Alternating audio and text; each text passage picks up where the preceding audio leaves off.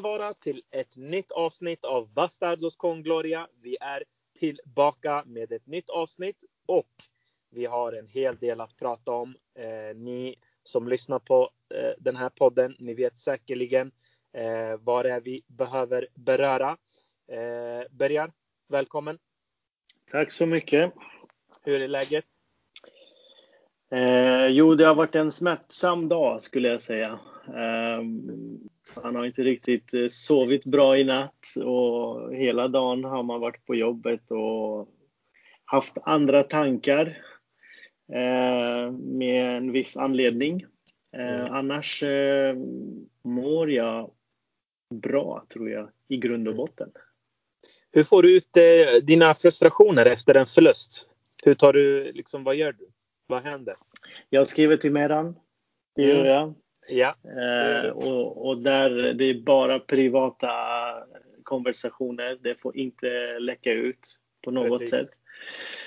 Eh, nej, jag är... Eh, jag skulle... Det, jag kan ju berätta vad jag gjorde igår. Eh, mm. Efter, efter eh, slutresultatet där. Det var det någon leksak som låg i, i soffan precis när de gjorde 2-1 och den, den kan jag säga flög mot tvn och träffade precis bredvid tack och lov. Ja. Eh, sen eh, efteråt så gick jag upp, eh, gick runt i lägenheten, funderade och skrev fram och tillbaka med några vänner. Och så började jag ta fram en macka med jordnötssmör och så började jag bre det tjockaste lagret jag någonsin har gjort någonsin.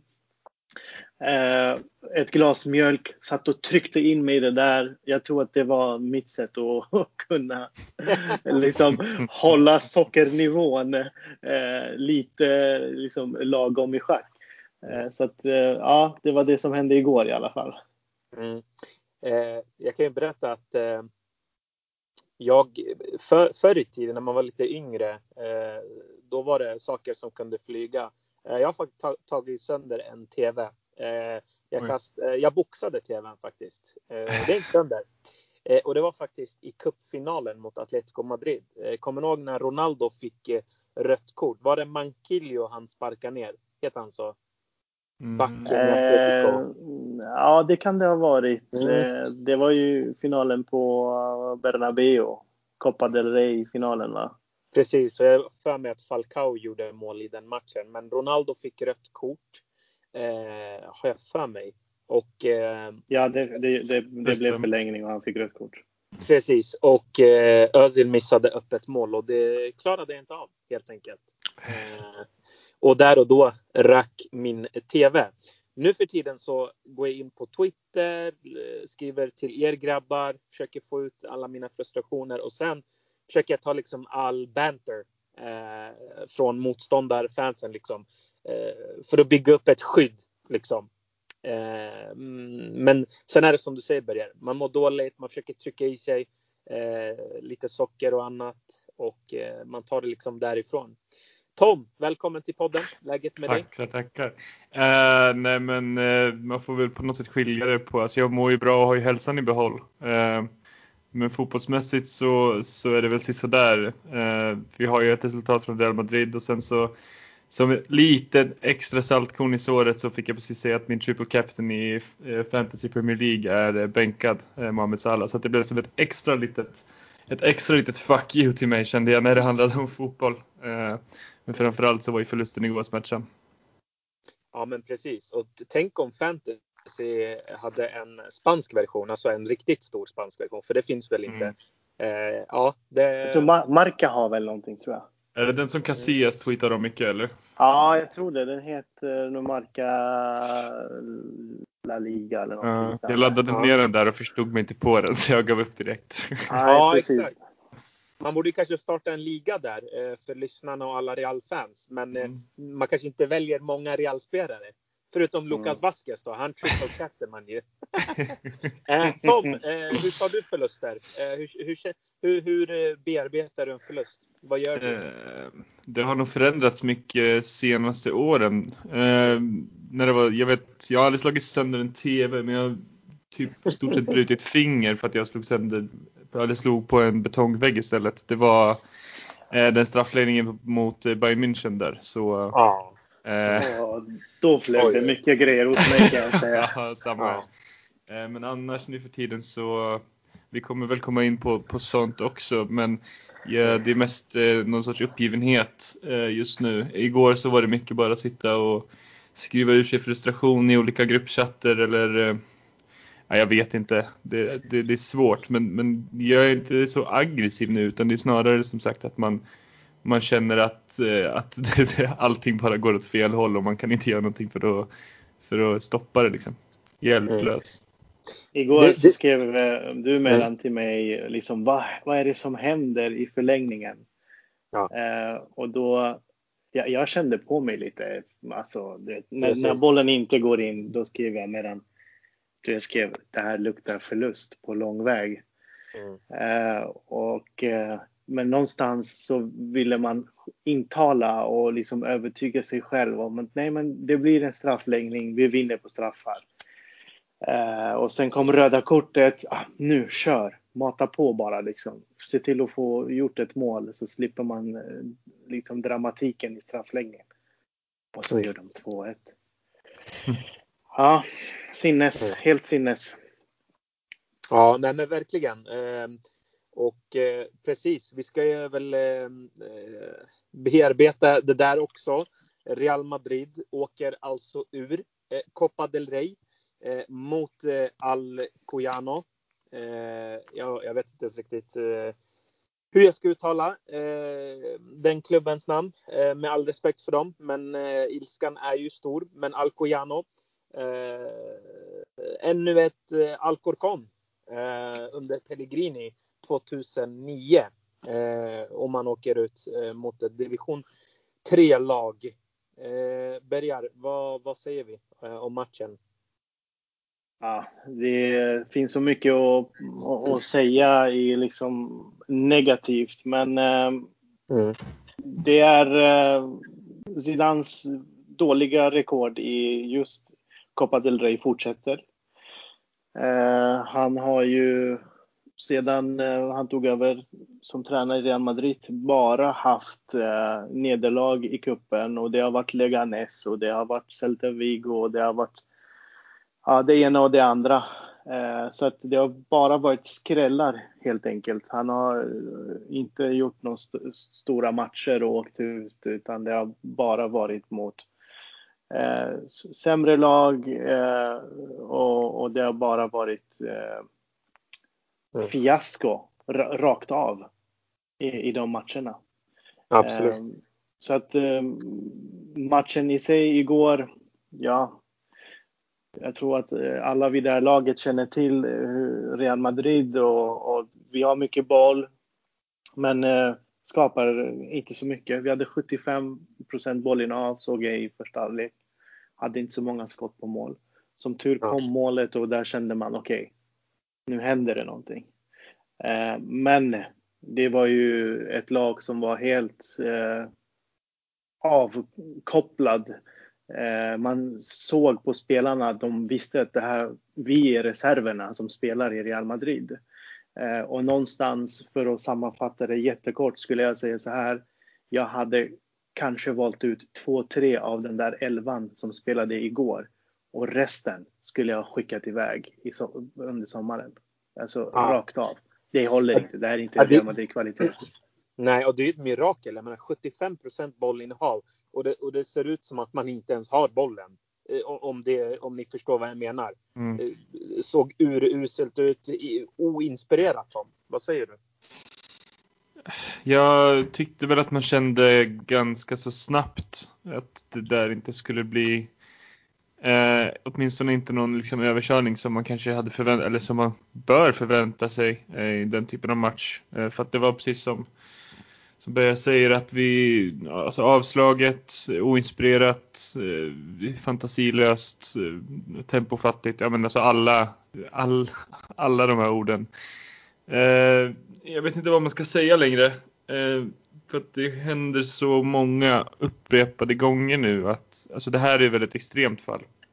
Men det, det har hänt alldeles för ofta att det ser ut exakt så här mot lag som Eh, vi på pappret ska slå med 5-0. Eh, det är ju liksom alltså Shakhtar-matchen till exempel, visst att det är Champions League men det är ju Shakhtar med typ hela elvan borta som lirar kids. Och, och, det ser ut precis så här. Där släpper vi dessutom in tre snabba mål i första halvlek. Eh, så det var väl snäppet värre kanske. Men överlag så tyckte jag, jag kände ganska, jag kände även när 1-0 kom så hade jag, var jag livrädd för att det skulle bli precis som det blev.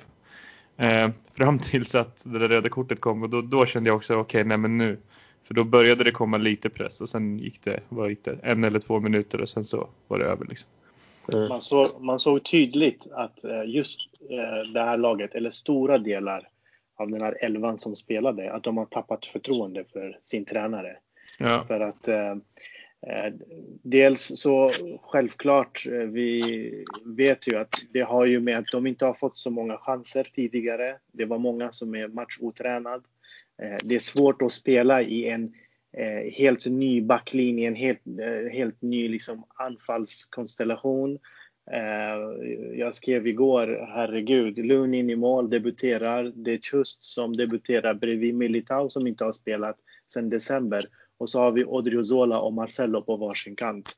Liksom be till högre makter så att eh, vi klarar oss. Men det gjorde vi inte. Men man såg den här eh, uppgivenheten hos många av de här så kallade reservspelarna som kände att det här är vi spelar just nu bara för att det är en Copa del Rey-match och vi möter division 3-lag. Vi hade aldrig fått chansen annars. Mm. Ja, precis. Sen är jag också väldigt frustrerad över eh, Hazard. Eh, han hoppar in i 97 minuten eh, och det i sig är ju väldigt svårt, absolut. Det är inte det lättaste, men det är division 3-lag du hoppar in i 97, värd en miljard. Du har haft nu några matcher under bältet. Eh, såg helt okej okay ut, absolut, men det är inte en miljard. Jag fattar inte hur man kan hoppa in på det där sättet och inte visa någonting. Och det gjorde inte heller de ordinarie spelarna heller tycker jag när de hoppade in. Eh, Benzema, för... Benzema dribblar ju bort sig själv där mot slutet mm. till exempel. En miljard nu är inte heller samma som en miljard 2009 när Ronaldo var en miljard får du komma ihåg. En miljard nu är Osman ja. Dembélé och Griezmann och Coutinho och, och, ja, inte, de inte ens dem. Ja, nej. Exakt.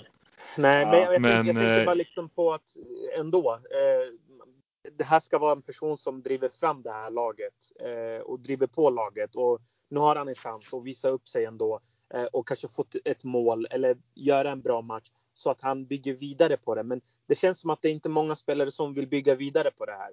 Eh, och jag är inne på Bergars spår. De där spelarna spelar inte för Zidane. Det, mm. det, det, tror jag inte. Och om man inte spelar för Zidane, om man ska tänka så. Mm. Du spelar ändå för Real Madrid. Du representerar ju ändå Real Madrid. Det är skitsamma om det är Zidane eller om det är Benitez eller om det är uh, eh, Solari som står vid sidan om. Du spelar ändå för Real Madrid. Klubbens värderingar, klubbens liksom, eh, krav, de ska du ha liksom, i bakhuvudet. Du ska in på plan, du ska göra ditt bästa. Det finns inte att gå runt och eh, hänga lite med huvudet och tycka synd om dig själv, utan du ger 110 procent i, i det du gör. Jag gillar till exempel Militao igår. Han var verkligen inte bra. Han var alltså slarvade med passningar och massa annat. Men man märkte att han krigade ändå. Han försökte och det är sånt jag uppskattar. Men det fanns vissa andra som bara tyckte att ja, men vad är det här liksom? Det, nu har jag fått spela mot de här. Jag är inte nöjd. Jag ska ju spela mot Barcelona eller mot Sevilla ska jag starta, inte här. Och då, då känner jag att de här spelarna, de, då är de inte redo för att kunna bära Real Madrid helt enkelt. Sen är ju självklart en tränarens roll eh, där, eh, där Zidane är, alla pekar ju på honom som liksom boven i det här. Men, eh, och det ska han ju ha förstås, men, men spelarna också. Måste ta sitt ansvar. Jag håller med. Mm. De måste ta ansvaret. Det går inte så här. Men det är just det här som, jag, som oroar mig mest också för att det man alltid har känt med Zidane är att han kan, han klarar av att motivera spelare. Mm. Eh, och att det har känts som hans största styrka och klarar han inte av det nu så känns det som att, men vad fan, ursäkta men vad fan kan han då? Mm. Jo men jag, för, jag förstår Tom, men samtidigt Mariano till exempel.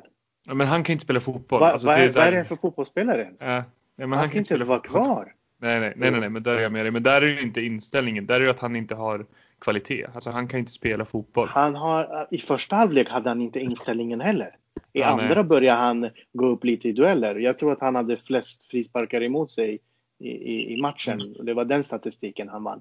Men i första halvlek, alltså, alltså man tänkte, du är nian, du ska ta tag i det här nu. Mm. Osynlig, gick bara på djupet hela tiden och förväntade sig att alla bollar ska hamna precis framför fötterna på honom. Det går inte så här. Nej. Nej. Och, och Driozola, Marcello. Alltså, det är ja. några som... Nej, det var förfärligt att se Marcello. Herregud, mm. vad har hänt med den människan? Så att, jag kan inte äh... fatta att det där är Marcello. Det, det, är faktiskt oroväckande. Eh, ja. man ser Casemiro, han är klart och tydlig. Det här är inte ens en match för honom egentligen. Det är någon Nej. annan som ska spela. Men han är där, han, han gör sitt jobb, han tar löpningarna, han är liksom on. Isco, ja, försöker, kanske vill visa upp någonting, kanske vill kunna ta sig in i, i, i liksom det här laget igen.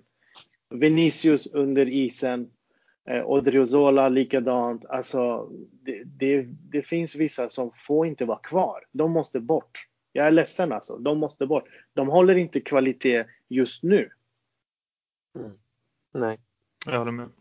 Ja, men eh, på tal om det här då att spelarna inte spelar för Zidane och nu kommer det väldigt mycket rykten om att Zidane inte pratar med spelarna. Det kommer fram att Ramos, eh, Ramos kontraktssituation, att han påverkar laget. Tror ni på de här ryktena? Finns det en sanning i det här? Tom, kör. Uh, alltså tänker du på Ramos kontraktssituation främst eller? Ja men eller precis. Kan det, kan, det, ja, men alltså, precis. kan det vara så att han har, han har skapat ett läger av två olika läger och ja. på grund av kontraktet att han, att han har spridit vidare negativ eh, energi till spelarna? Det, det tror jag absolut kan vara fallet. Alltså jag tror att alltså, egentligen lite oavsett vad det beror på så känns det uppenbart att det inte finns alltså någon jätteharmoni eller någon liksom vad, vad ska, jag hittar inget bättre ord än togetherness, men att man känner att man krigar för varandra. Sen om det beror på... Eh, till, ja men exakt. Sen om det beror på um, om Ramos kontraktssituation och det är en sån situation eller om det är att man har tappat förtroende för Zidane eller det ena eller det andra. Det, jag vet inte hur mycket hur viktigt det är för mig. Eh, det viktiga är att jag känner att, att, att det är så. Mm. Eh, och det tycker jag verkar uppenbart. För att som vi säger, de här spelarna spelar inte för Zidane. Det kommer ut rykten om att Zidane inte har pratat med vissa spelare på över två månader. Eh, och då, då fattar jag att man på något sätt sne, alltså, inte snea, men alltså att man det är klart att man inte känner sig som en del av laget och det är klart att man inte kommer kriga tills man blöder ur öronen för för den tränaren som, som vägrar ha en dialog med dig om vad det är som pågår. Och jag fattar till exempel Ödegård att han känner att jag, jag drar härifrån för att vad är det som händer där liksom? Så, jag vet inte. Mm. Jag, tänk, jag tänker alla de här ryktena, mm. eh, det påverkar ju de här spelarna helt och hållet. Eh, dels att det är osäkert med Ramos, eh, dels eh, att till exempel om, om vi tar eh, en, eh, en Vinicius, en Asensio, någon sån här B-spelare om man säger så. De påverkas ju av att eh, det ständigt står att Mbappé är på väg till Real Madrid när som helst och han ska skriva på och så vidare. Jovic eh, dag ett. Eh, jag vet inte om det gick någon månad innan Halland blev eh, Real Madrids största mm. target eh, för, för liksom framtiden. I Militaus fall är det Alaba man läser i varenda tidning. Så det är klart, det här påverkar ju de här spelarna. De känner sig hopplösa på så sätt också. Sen tror jag när det gäller Zidane, nu kanske vi glider in på ett annat ämne och, och, och just det viktigaste vi skulle prata om, men bara lite kort. Hans position är väldigt stark. De som kommer in de måste anpassa sig till honom. Mm. Eh, för han är påverkad av kravbilden Real Madrid har. Och lägg till hans egen personlighet och bakgrund. Han är, han är en vinnare. Eh, så att han kan inte anpassa sig efter Jovic. Jovic måste anpassa sig efter Zidans behov. Vilket Absolut. inte blir så tillfredsställande för Jovic. Men eh, de som klarar av det, det är Valverde har klarat av det. Mandi har klarat av det hittills, om man säger ja. så. Eh, sen kan ju ålder och ambitioner och liksom tidigare erfarenheter och så, vid och så vidare. Det kan ju påverka Ödegaard, Jovic. Eh, det kan påverka deras förväntningar på, på Zidane till exempel. Eller de kommer från eh, mindre klubbar, eh, kommer till Real Madrid som är jättestort och så. Så det kan ju påverka. Men för att ta det härifrån, Zidane kan inte tillfredsställa eh, spelare i första hand. För att han är ansvarig för resultat i en klubb som Real Madrid. Så om mm. det går bra så är det ingen som ifrågasätter Zidane, eller hur? Alla säger, ah, eller inte Real-fan, det måste jag säga. När det går bra, vi letar ständigt efter fel. Jag skulle mm. vilja kalla det för förbättringsområden, men det är många som försöker hacka på saker och ting. Men om det inte går bra, om resultaten inte går hans väg, då utsätts han för kritik. Och det är han som står med, med rep runt halsen, eller hur? Eh, ja. Så skulle någon då, eh, efter gårdagens förlust, är det någon som säger ja ah, men det är lugnt, han är förlåten. Han spelar ju ändå, han luftade ändå laget. Eller eh, det går inte så bra för Real Madrid just nu, men det är ingen fara. Eh, Ödegaard och Jovic har fått si och så många minuter, så det är helt okej. Okay. Det är inte okej okay i Real Madrid. Så vad gör han då? Då måste han byta fokus och vända sig till de här, kanske, ja, eh, mer rutinerade spelarna som han har vunnit med och som han har lyckats få resultat ifrån och så. Men sen finns det en anledning, du var inne på det också, att så här, det är klart att om du kastar in Eder Militao så har han gjort någon ligamatch i år? Jag vet inte om han har gjort några minuter. Jag tror, jag tror han har gjort en någon, kanske. Ja, en, alltså, ja om du kastar in honom helt plötsligt så, tillsammans som du säger också med en helt ny backlinje. Det är klart att han inte kommer prestera. Om vi tar honom som ett exempel. Ja. Alltså, du kan inte ha en rotation som går ut på att du sätter in ett helt nytt lag en gång i halvåret. För det är inte en rotation. Nej. Eh, Precis. Där, där, det här som jag var inne på. Det, mm. det är en del av problemet. Ja. Sen kommer vi till nästa problem och det är Zidans sätt att kunna se på just Real Madrid och Real Madrids framtid och Real Madrid i nuläget. Eh, och hans senaste två, tre månader och vilka beslutsfattande. Ja, men jag mm. tänker man måste kritisera Zidane också i det här läget. Vi har ju pratat om att de här spelarna måste anpassa sig till Real Madrid och en tränare som Zinedine Zidane. Men i Zidans fall också, han kan inte bara köra över dem heller. Utan man måste ju kritisera Nej. hans beslutsfattande under de senaste månaderna där han inte har gett Militao kanske en kvart här och 10 minuter där och 20 minuter för att ha Copa del Rey-matcherna i åtanke mm. och kunna förbereda honom för de här matcherna. Så att det är klart man måste trycka på det också. Men eh, det är så lätt att allting bara hamnar eh, eh, mot antingen spelarna eller Zidane eller ledningen. Men i det här problemet som vi har just nu så tycker jag att man måste se en helhet och alla är inblandade på olika sätt. Mm. Absolut, och jag tänkte vi ska komma in på det mot slutet av podden där vi, där vi ska gå in lite djupare på det. Men vi, vi tar det i turordning. Vi har gått igenom spelarna, att de måste ta ett ansvar i det här såklart. Eh, oavsett eh, vem som är tränare så kan man inte bete sig sådär. Eh, utan man måste ju leverera. Eh, så enkelt är det bara. Speciellt när man möter ett division 3-lag. Och det är Copa del Rey, en titel man inte har vunnit nu eh, på ett tag. Eh, och det är ju en titel. Eh, det kunde ha gett lite, liksom lite lugn och ro eh, till allihopa. Eh, men vi går in på Zidane då. Det har varit väldigt mycket prat om Zidane överallt. Och vi har ju fått in lite frågor till podden. Vi börjar med att ta första frågan här då.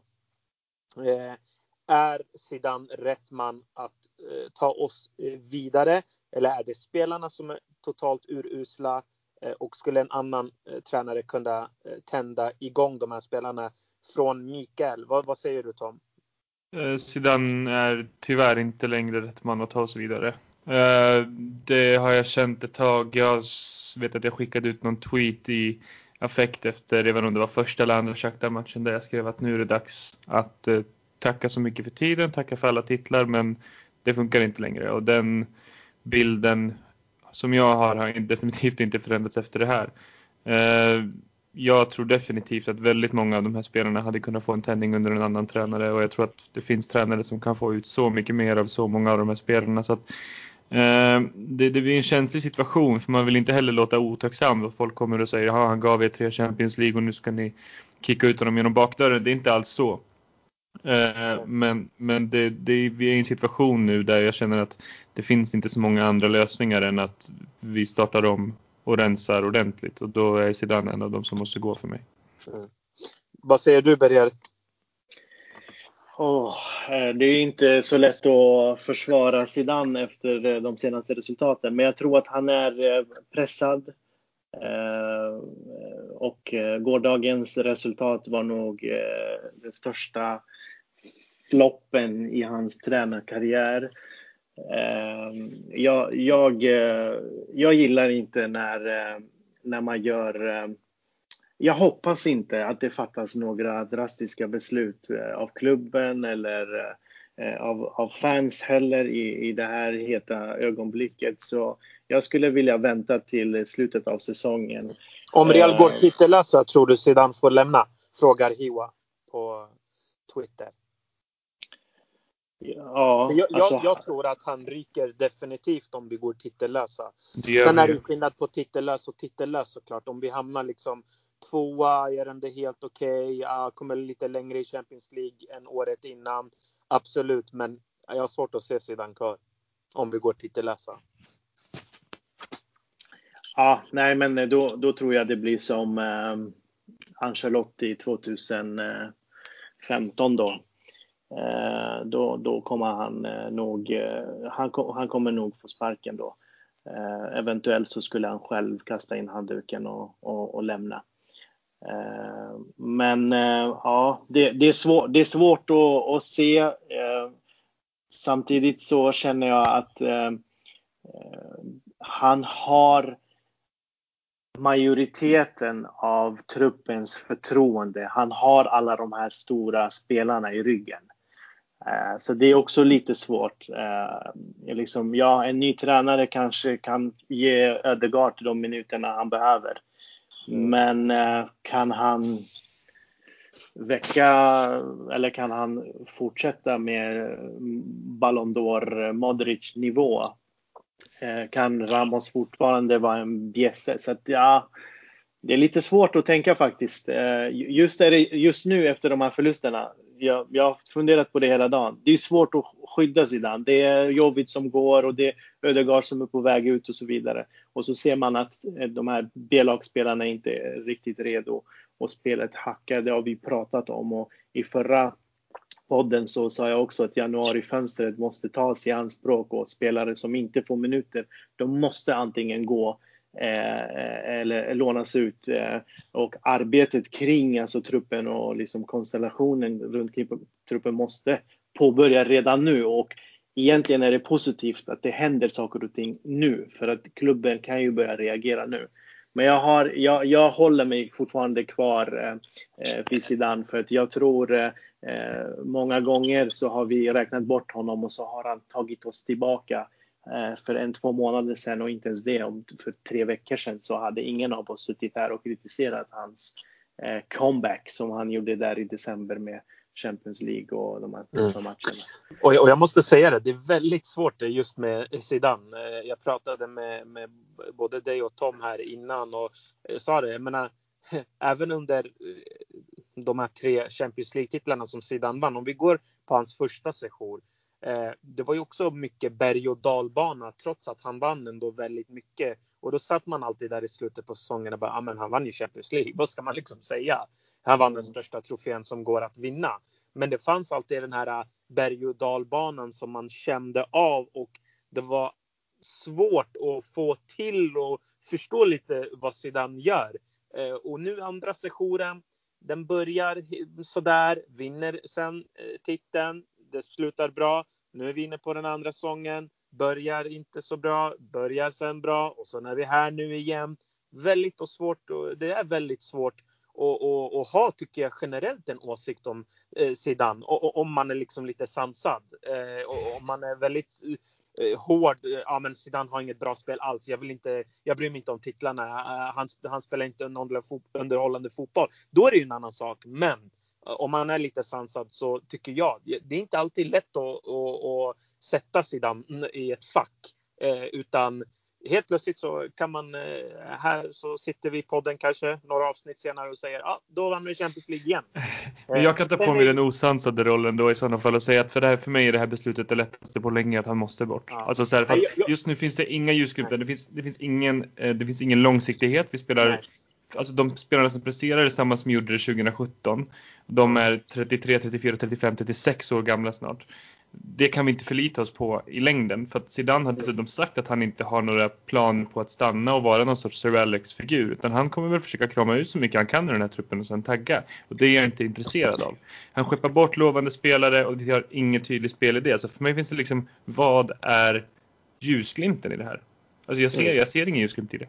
Ja, ja, alltså, jag nu är jag hård men jag är trött nej, nej, på det här nu. Nej men det, det är inte det. Jag, jag, jag pratar bara utifrån liksom, eh, ett eh, ett eh, perspektiv som har varit och funnits. Absolut. Och det är väldigt svårt att prata om sedan på sättet. Men jag håller helt med dig. Eh, om vi ska ändå prata om vad vi tycker och så. Jag, jag är helt på din linje Tom. Jag tycker det är dags för sidan att avgå. Jag tycker att hans första session var fantastisk. Mm. Den är uppskattad och man älskar Zidane. Han mm. är ju Zidane. Vem ja. älskar inte Zidane? Då har man något fel i huvudet. Eh, nej. eller hur? Eh, jag älskar nej. också Zidane. Jag, ja, jag skojar bara. Man måste, Förlåt, man måste kunna separera liksom på de här känslorna man har. Alla det här... älskar ja. Zidane. Jag, tror ja. jag, jag, ja. jag, tror inte det. Jag tror inte alla älskar Zidane. Nej, man måste verkligen, eh, alltså, man måste här, verkligen tror... förstå. Eh, alltså, det, det, är mycket man behöver tänka igenom innan man älskar Zidane faktiskt. Nej, men jag tror så här, jag tror de flesta madridistas, om vi pratar eh, madridistas, jag tror de flesta madridistas ändå älskar Zidane. Sen absolut kan man reagera och så där. Sen beror på vilken eh, fan, eh, vilken del av eh, eh fansen, alltså fanskara man tittar på. Men jag tror rent generellt ändå många uppskattar Zidane. Men jag, vad vi i alla fall, poängen som vi skulle komma till var att jag tycker också att det är dags för Zidane att gå. Jag tror att första sessionen, som sagt, den var fantastisk. Jag uppskattar den Eh, vilka eh, känslor, vilka minnen, eh, vilka segrar. Eh, och, eh, eh, det är fantastiskt. Men den här andra sessionen, den innehåller andra typer av spelare. Eh, stommen i laget har blivit äldre. Det blir svårare att motivera ju längre tiden går. Det är inte lätt att motivera. Även fast Zidane är en kung på det så kommer också även gränsen där. Och jag ser inte, det här är min största anledning till varför jag tycker Zidane ska avgå i slutet på säsongen. Att få sparken nu? Nej, men slutet på säsongen absolut. Och, eller inte sparken, men han får själv lämna så att han gör det på ett fint sätt. Men det är att jag tror inte att han kan ta det här laget till några större framgångar. Och jag tror inte på att han kan eh, ta oss igenom den här generationsväxlingen som vi måste börja få igång. Eh, vi har köpt en hel del talanger. De har inte funkat under sidan. Och det finns inget track record på att han kommer göra någonting vettigt med de här spelarna. Jag tror inte det. Eh, och hur länge ska han liksom krama ur eh, det sista ur de här spelarna? Eh, det är också en bra fråga som man måste ställa sig. Men just nu så känner jag liksom att det är dags för sidan att avgå. Så är det bara. Ja, det, exakt. Det, det, det, är, det är svårt att, eh, det är svårt att eh, liksom eh, det är svårt att vara eh, mig just nu kan jag säga. Eh, för att, och när jag säger mig, jag, jag vill bara tydliggöra. Eh, jag vill ju självklart att allt som ni önskar att en ny tränare gjorde, jag önskar ju att det hände redan nu. Men jag har svårt att, att se jag har svårt att se en ny tränare bara komma in och göra mirakel eh, mm. jättesnabbt. Eh, och då är frågan min som jag ställer till er. Om en ny tränare kommer in och ska få ett, två, tre år för att slussa in de här spelarna och liksom bygga en ny Real Madrid. Varför kan vi inte ge den till Zidane? Han kan ju också få två, tre år. Då måste vi acceptera de här förlusterna. Men för att Då han måste vi acceptera.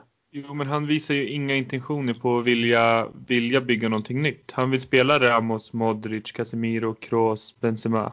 Alltså han, Absolut. Han, Absolut, men vad, vad, vad, gör man om Ramos är i sin, sitt liksom livsform just nu? Vad gör man om Benzema är den bästa versionen av Benzema vi har sett på senaste tio åren? Vad gör man om Modric spelar Ballon d'Or Modric? Vad gör man om Varan och Kroos är tillbaka till den här höjden som de hade innan? Vad gör man om Courtois till exempel eh, från att vara en floppvärvning blivit till en hyllad eh, målvakt. Alltså, men Peter, man måste, man måste bli pragmatisk någonstans också i att tänka så här, okej okay, Ramos är skitbra nu men han är 30, alltså 35 år gammal. Vad är, vad är planen här? För att han kommer inte kunna spela. Många pratar om så här, men fotbollen har förändrats och man kan spela tills man är 40. Mm. Vi, kan inte, vi kan inte gambla på det. Vi kan inte gambla på att Ramos kommer spela super men det är, inte, det, är ingen, det är ingen gambling. Det var inte länge sedan Ramos och kompani vann ligan. Det är ingen gambling det är en gambling på så sätt att det inte det finns ingen långsiktighet i det. Alltså, han är jättebra nu och därför är det ingen gambling. Men det är en gambling i att tänka att så här, vi skiter i att ha någon sorts långsiktig lösning på när Ramos försvinner för att han är så jävla bra just nu. Det är det jag mm. menar är att så här, vad är planen här Zidane? För att jag ser ja, ingen. Fast, alltså, fast är, det, plan, är, det, är, det, är det Zidane som ska lägga den planen då? Ja, men Zidane, om vi har köpt in en mittback för 60 miljoner euro som ja. Zidane vägrar ge chansen mer än mot ett, mot ett brödgäng i kuppen. Alltså om, om han då inte ska spela, men då får Zidane i sådana fall göra det tydligt och sen så får det hända någonting annat. För att, men vi kan inte heller tänka att vi ska skeppa iväg alla de här på lån och sen inte ha en trupp. För att det är lite så det låter på vissa också. Att så här, ja men Ödegård ska på lån, Jovic ska på lån, Militao ska på lån, Rodrigo, Vinicius ska på lån. Ja men vad ska vi ha kvar då? Då är det bara Vasquez, Asensio, och, och, Isco kvar. Och egentligen grabbar, det ni, det ni säger här nu egentligen, och det är min största eh, beef. Eh, eh jag håller med eh, det du sa i början. Det här, är all, det här är ett problem som alla är involverade i. Men min största kritik, förutom då att Zidane såklart får en och spelarna, det är till ledningen. Eh, de har blivit mätta. Även de blir mätta. Även de är människor. Tre raka Champions League-titlar, väldigt mycket glamour och triumfer. Eh, man vill kanske inte investera, tänker att ja, men de här åren, vi sparar lite pengar och vi ska satsa på en ny transfer policy och då börjar jag svarar tillbaka på det du säger. Det här, du säger då att ja, exakt varför låter vi inte då Zidane göra generationsväxlingen? Jag håller med. Det hade varit kul att se honom och, och få göra det, men det är bara att titta. Han har inte ens använt spelarna som han har fått från ledningen och då min fråga. Varför anställde man Zidane om han ändå inte skulle använda de här spelarna? Vart är den röda tråden? Perez 2015, 14 eh, i flera intervjuer, det här vet du också Bergerini och Tom, eh, han sa vi har en ny transfer policy, vi kommer köpa väldigt mycket eh, talanger, vi vill att eh, vi vill tidigt eh, haffa dem innan de blir för stora och då måste vi värva för 2-3 miljarder. Och det, mm. det, det, och det funkar inte så nu för tiden. Vi har inte de pengarna, eller man har de pengarna, men man kanske inte vill lägga de pengarna om man har liksom en helt eh, ny transfer policy. Mm. Med det här i åtanke, okej, okay, men vart är den röda tråden? Ni har värvat Vinicius och Rodrigo, två brassar. En som spelar på vänsterkanten, en som spelar på högerkanten. Men ni hade redan en Asensio och ni hade redan en annan eh, ytter. Nu kommer jag inte ihåg vem, men mitt minne är dåligt. Ni får hjälpa mig på traven på vissa ställen. Men. Det var Bale. Ja, vad sa du? Det, var, det är Bale och Hazard som Bale, fanns. Bale, ja, Bale och Hazard. Och, mm. och, då, och, och, då köper ni in dem. Det, det, det, för mig, jag, jag, förstår inte riktigt. Jag, jag, kan inte koppla det. Om, mm. Och sen köper ni Militao. Okej, okay, fine. Ni vill att han skulle ta över. Men mm. ni visste ju att Ramos och Varan var väldigt ingjutade. Eller räknade ni inte med att Ramos skulle vara så här bra? Okej, okay, det, ja, det, det, går att göra misstag, absolut. Men jag tycker bara att det inte finns en röd tråd i de här värvningarna. Och det är lite att man köper talanger och så vill man testa. Okej, okay, blir det här bra? Blir det inte här bra? Men då vet jag inte om Zidane är verkligen mannen för det där. Mm. Ja, men du, du, du berör ju något väldigt intressant. Eh, personligen så tycker jag inte själva policyn, den har inte rubbat. Den är fortfarande fantastisk. Den är fortfarande ledande i hela Europa. Det skulle jag med, med gott samvete säga. Den, den vad, vad tänker inte... du då på? För, alltså, för de talangerna vi har hittills har ju ja, totalt. I Real Madrid ja, men det är inga spelare som har förstörts. Det är inte spelare som har eh, blivit men, eh, division 2-spelare. Jovic går tillbaks till Frankfurt och direkt 30 minuter, han gör sina mål. Ödegaard kommer att gå tillbaka. Då, precis, och då tänker jag, är Zidane då rätt man med tanke på att Reguilon drar hur bra som helst i Spurs. Theo Hernandez drar bäst i Milan. Eller är det att Real Madrid, att det är för stor press i Real Madrid? Men jag, jag känner bara att, nej. Jag, jag tror så här. Dels, ja, dels är det så här. Mm. Klubben, ledningen, okej. Okay, och inte någon av oss räknade med att till exempel de här stommen, om vi talar om stommen, att de skulle resa sig efter tre Champions League-segrar. Ingen räknade med det där. Mm. Alla trodde att de var mätta. Mm. De var slut. De kunde inte spela fotboll längre. De skulle säljas. De skulle bort. Okej? Okay? Så i det här läget var det jätteskönt att klubben i sig, ledningen, hade flera år innan det påbörjat att värva ungt. Eller hur? Så som de hade gjort. Men vi får inte heller glömma när Jovic kommer in och ger konkurrens till Benzema. Det ökar ju Benzema. Benzema blir helt plötsligt världsspelare igen. När Militao kommer in, han sätter press på varann. Då ökar ju varann sin liksom, nivå igen och kommer upp in, i, i den här gamla varann-nivån. Eller om vi närmar sig den i alla fall. Så att de här spelarna har ju gett någonting till klubben och mm. liksom varit med och deltagit i titlarna genom att vara konkurrenskraftiga i, i just den här truppen. Sen är jag 100% med er att just under den här säsongen, okej, okay, just under den här säsongen så har Zidane han började bra. Det var mycket rotationer i början. Det var många som var trötta på hans rotationer. Alla snackade om att kom igen nu, det räcker nu. Modric var på bänken i El Clasico. Varför spelar han inte från start? Mm. Eh, och så vidare. Men ja. sen, men sen har jag också varit och pratat om någonting tidigare. Det är resultat. Okej? Okay? När du inte får med dig resultat genom att ge och tillfredsställa vissa spelare och de får sina minuter då måste du tillbaks till grunden, till basic. Och hans mm. basic är de här spelarna som han har vunnit med. Eh, så att, och så fort han får resultat, då, då, är, då finns det en rädsla för att låta eh, liksom andra som inte är redo för att hoppa in. Sen mm. kan han ju ha gjort det här lite snyggare. Och det, det pratade vi om sist. Det var att han har fem byten. Ge dem ändå några minuter. Det, det är där jag kritiserar Zidane. Eh, men att se, alltså, plocka mm. bort honom helt och hållet ur det här projektet, det tycker jag inte är rätt. Men han, man måste ju kritisera hans beslutsfattande på, på, på slutet här nu. Eh, genom att bara ge eh, liksom sina ordinarie spelare chansen. Eh, så att sen, bara för att lägga till. Eh, om, han, om Zidane ska genom, alltså, göra generation, eh, generationsskiftet, om han mm. ska vara den som ska leda den. Vem säger att nästa tränare kommer på ett eller två år förbättra Vinicius beslutsfattande? Det kanske inte blir bra förrän han är 24-25. Så du måste ha tålamodet och vänta. Ja. Så, så, ja. så man måste ju se man måste se alla vinklar. Det är det jag vill bara ja, sammanfatta. Det, det, håller jag, det håller jag med dig om. Men jag, jag känner också så här nu att det finns för många exempel på spelare som kommer in och underpresterar så kraftigt under Zidane i Real Madrid. Att det kan inte vara att det är samma fel på alla de här spelarna.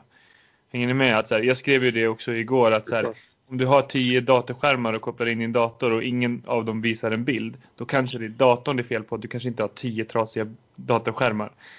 Där vi menar så här, mm. det finns för många för många sådana här fall av Jovic, av Ede Militao av Hazard till viss del som, som inte kommer upp i en alltså godkänd nivå för att det ska vara så att så här, det, de har dålig eh, mentalitet eller de, eh, liksom så här, de, är bara, de har inte kvaliteten.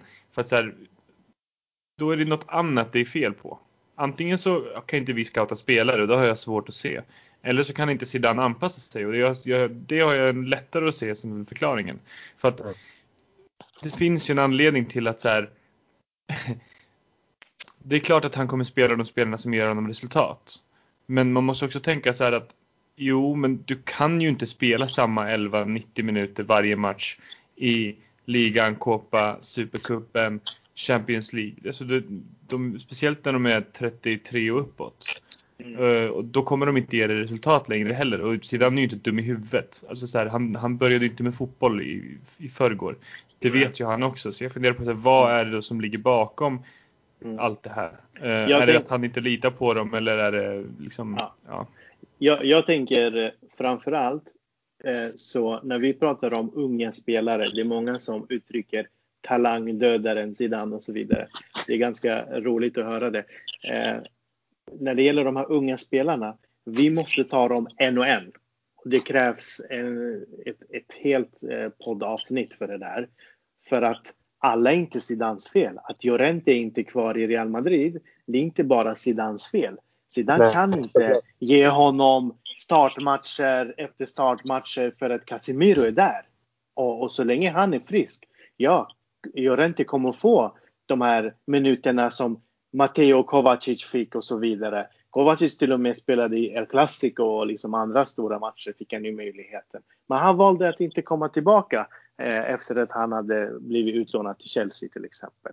Sen tror jag att vissa spelare, vi kan ta, inte gå för långt bakåt, men eh, Morata, eh, han ville ju gå, han ville ju vara en startspelare. Men för att inte gå så långt bak, Jovic till exempel, han måste ju, jag tänker så här, hur många gånger har inte Jovic, Jovic fuckat det för sig själv? Mm. Absolut. Hur många gånger har, har han kommit tillbaka efter försäsong? Han har varit i Real Madrid två försäsonger. Han har inte deltagit på någon av dem. För att han har varit skadad bägge gångerna. Men det, det, du brukar ändå vilja prata mycket om mönster och jag tycker ändå att det, det finns inget tydligare mönster i Real Madrid just nu än att spelare underpresterar. Och framförallt spelare som har kommit in unga. mer nyligen. Ja, unga mm. spelare underpresterar och därför menar jag att så här, det mm. kanske finns någonting i hela det här som du pratar om, talangdödaren. Nu säger jag inte att det är så, men att så här, mm. det är uppenbarligen ett problem och det finns ju ett mönster i att unga spelare som kommer till Real Madrid inte kan prestera till den nivån de bör. Mm. Och men samtidigt så, så kommer Mondi in, han är också ung. Jo, men det är, det är, den enda, det är den enda han har fått in som Va han har fått in i startelvan och lyckats med. Mm, ja, okej, okay, men han är inte start nu heller han är inte start nu, men det är en spelare som, det är en Zidane-spelare. Han bytte ju Llorente mot Valverde. Mm. Mm. Ja. Alltså, jag, jag, jag, ja. jag, jag tänker det. Ju. Ja. Jag, tänker Rodrigo till exempel, han har, inte, han har ju inte varit så dålig. När han, han är ändå med. väldigt utskälld alltså. Ja, fast eh, och sen tycker jag inte att de ska ha mer minuter egentligen. En Vinicius ska inte vara en startspelare. Det är tack vare att Hazard inte levererar. Det är tack vare att Hazard är borta så mycket. Annars ska ju Vinicius få i, i, i hans ålder antingen lånas ut eller så får han 10 till 15 matcher per säsong. Inget mer. Ja, jag tänker grabbar, ni båda har intressanta eh, vinklar på det här. Eh, både, både att spelarna eh, måste också kunna eh, prestera och leverera i Real Madrid. Men det, det, det är väl, väl, en väldigt tuff miljö, eh, Real Madrid. Eh, att bära den vita tröjan, det är ju inte eh, lätt. Men sen Tom, eh, tycker jag också du har en poäng att det, man, man, ser ändå en, en tendens och ett mönster. Men det här jag vill ändå igen att vi inte får glömma att ge kritik till ledningen. För jag, jag vet inte, jag tycker inte man har hämtat in vid rätt tillfällen jag vet inte vad är det sportsliga projektet egentligen? Om, Får jag säga? Om, om, om Zidane ändå ska använda spelarna som han har vunnit med och våran transfer policy har varit att vi ska få in talanger och vi ska förädla dem. Det är alltså, glöm inte, det här är nu målet, eller hur? Real Madrid ska köpa fler talanger och Real Madrid ska förädla dem och de ska eh, gå till en ny nivå.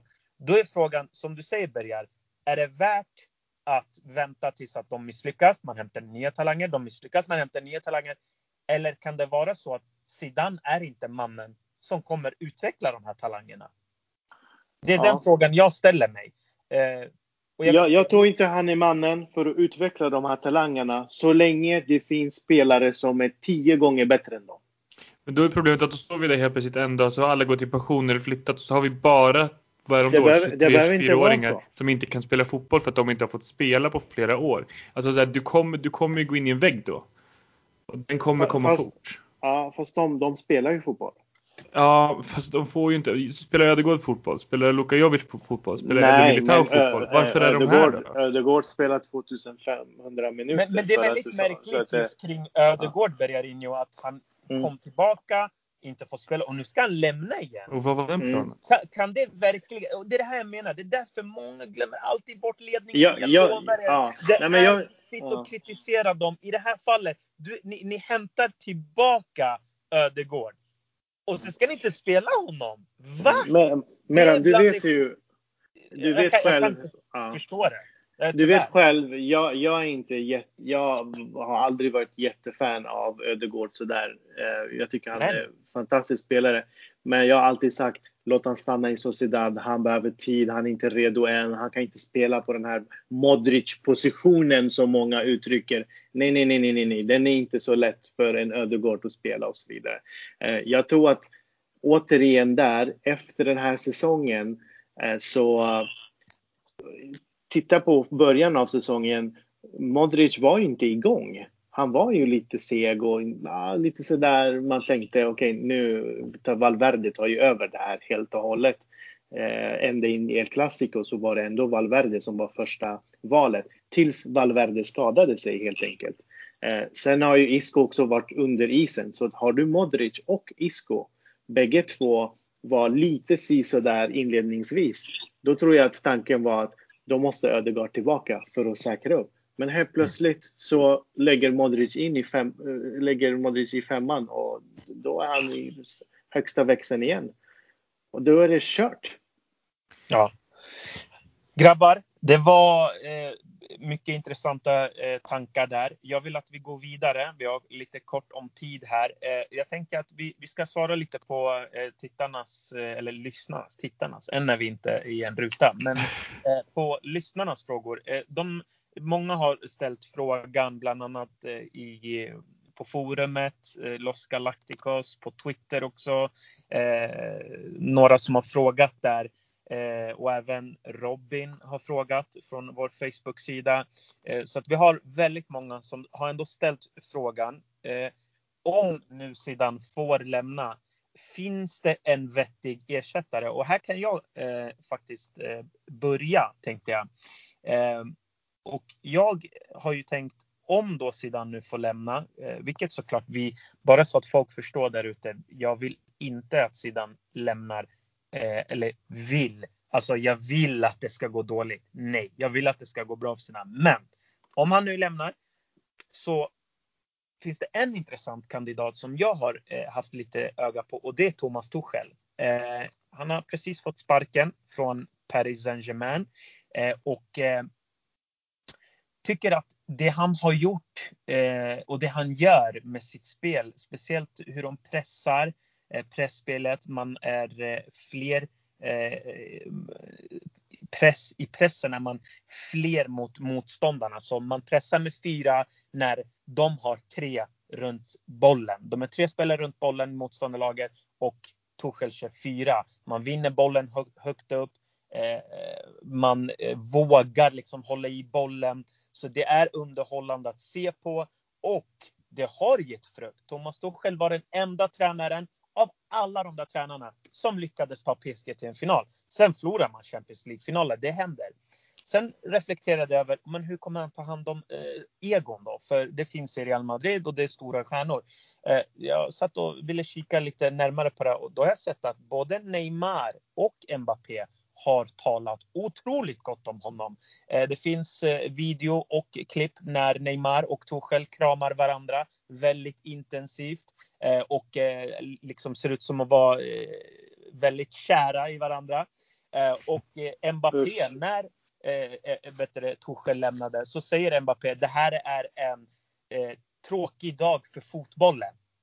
Och säger att ingen glömmer det de har gjort. Tack för allt. Och man trodde ju då att de hade en liten beef. Det hände någonting mellan dem. Men det verkar som att han har också den erfarenheten. Han har haft med Neymar att göra. Det är inte lätt, det vet vi. En Mbappé, det är inte heller lätt. En ung kille som eh, har tagit eh, världen med storm. Det är inte lätt heller att hantera alla dagar. Eh, och så har man lite kryddor där, eh, Verratti och Di Maria. Så jag tycker ändå att han har gjort det bra. Vunnit titlar eh, eh och det enda nackdelen med Thomas Tuchel, det är ju språket. Eh, och kan man inte spanska, då blir det väldigt jobbigt. men som sagt, han kanske har tränat eller vem vet vad han funderar på. Men mitt alternativ, för vi har fått väldigt mycket frågor kring det här. Jag bollar upp eh, Thomas Tuchel. Eh, Tom, vem bollar du upp som alternativ? Uh, jag har också varit inne på Tuchel. Alltså, jag kan ju börja med att svara om frågan är liksom, finns det ett rimligt alternativ? Mm. Uh, nja, kanske. Jag vet inte. Uh, Håller med. Håller med. Mitt, mitt alternativ var ju Pochettino uh, och den tyckte jag kändes som handen i handsken men det är kört så det kan vi släppa. Eh, så att, ja, men jag tycker också att Thomas Tuchel kan vara ett, ett, ja, men ett rimligt alternativ. Det finns ju sådana här Julian Nagelsmann och alla de här. Eh, Nagelsmann vill jag inte se för att han är för ung och för oerfaren och eh, ganska ofta väldigt naiv. Eh, även om det är väldigt kul att titta på. Och Real Madrid har kontaktat förlåt om att jag bryter. Ja, nej men alltså så här, det, det, är väldigt underhållande att titta på, men jag gör det gärna på ett annat lag, inte på det jag håller på. För att annars åker man till Manchester och får fem, fem mot sig i, på kort tid mot, mot United liksom. Och det, det vill jag inte händer. Så att gärna, gärna någon med lite mer erfarenhet och Torshäll är väl, är väl liksom är väl ändå rätt rimlig, även om det kanske inte är min drömtränare på, på något sätt egentligen. Men som du säger, har gjort mycket med PSG och jag gillar också att spela med ganska hög press. Och jag tror det kan passa oss ganska bra med yttrar som glider in och, och ytterbackar som ofta överlappar väldigt aggressivt och sådär. Men, eh, ja, men Torshäll är väl också den jag skulle föredra om vi nu ska skeppas i den. Mm. Eh, Bergarinho, vad säger du? Har du någon, någon, någon som du tror kan axla den här stora rollen? Eh, nej, jag har faktiskt ingen just nu. Eh, och eh, inte någon eh, sådär till sommaren heller. Jag kan inte se någon som är ledig. Jag skulle säga, alltså Klopp. Det, det är den enda som skulle kunna göra något vettigt av det här för att eh, Resterande kommer att behöva tid, resterande kommer att behöva rensa, resterande kommer att behöva göra om det, det, det, har jag svårt att se. Det, det känns som om det blir en Lopetegi eh, start igen för nästa tränare. Eh, så att, eh, och, och sen har jag varit inne på att jag ser förbättrings... Jag ser förbättringssidor hos Zidane och jag hoppas att han förbättrar sig och går tillbaks för vi har ju sett honom ge talangen chansen. Vi får inte glömma bort en 20-åring Asensio som helt plötsligt kom in i Real Madrid och liksom gjorde mål i Champions League-semi och El Clasicos och finaler och var, var liksom en talang.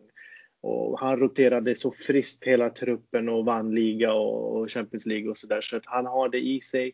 Just nu så tror jag det, han är så pressad. Eh, eh, men nej, ingen. Eh, jag, jag ser ingen just nu som skulle passa. För att Ramos ska ju skriva på nytt förhoppningsvis. Modric ska skriva på nytt förhoppningsvis.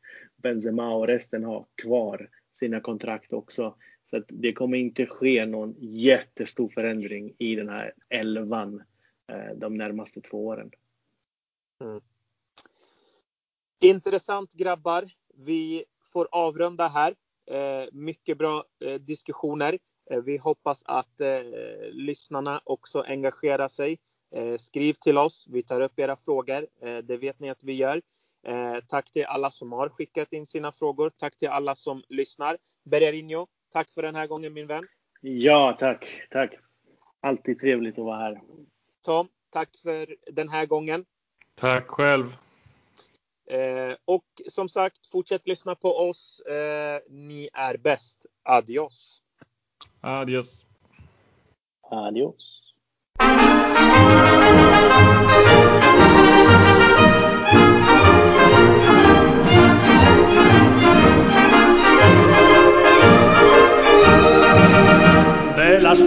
Deportivas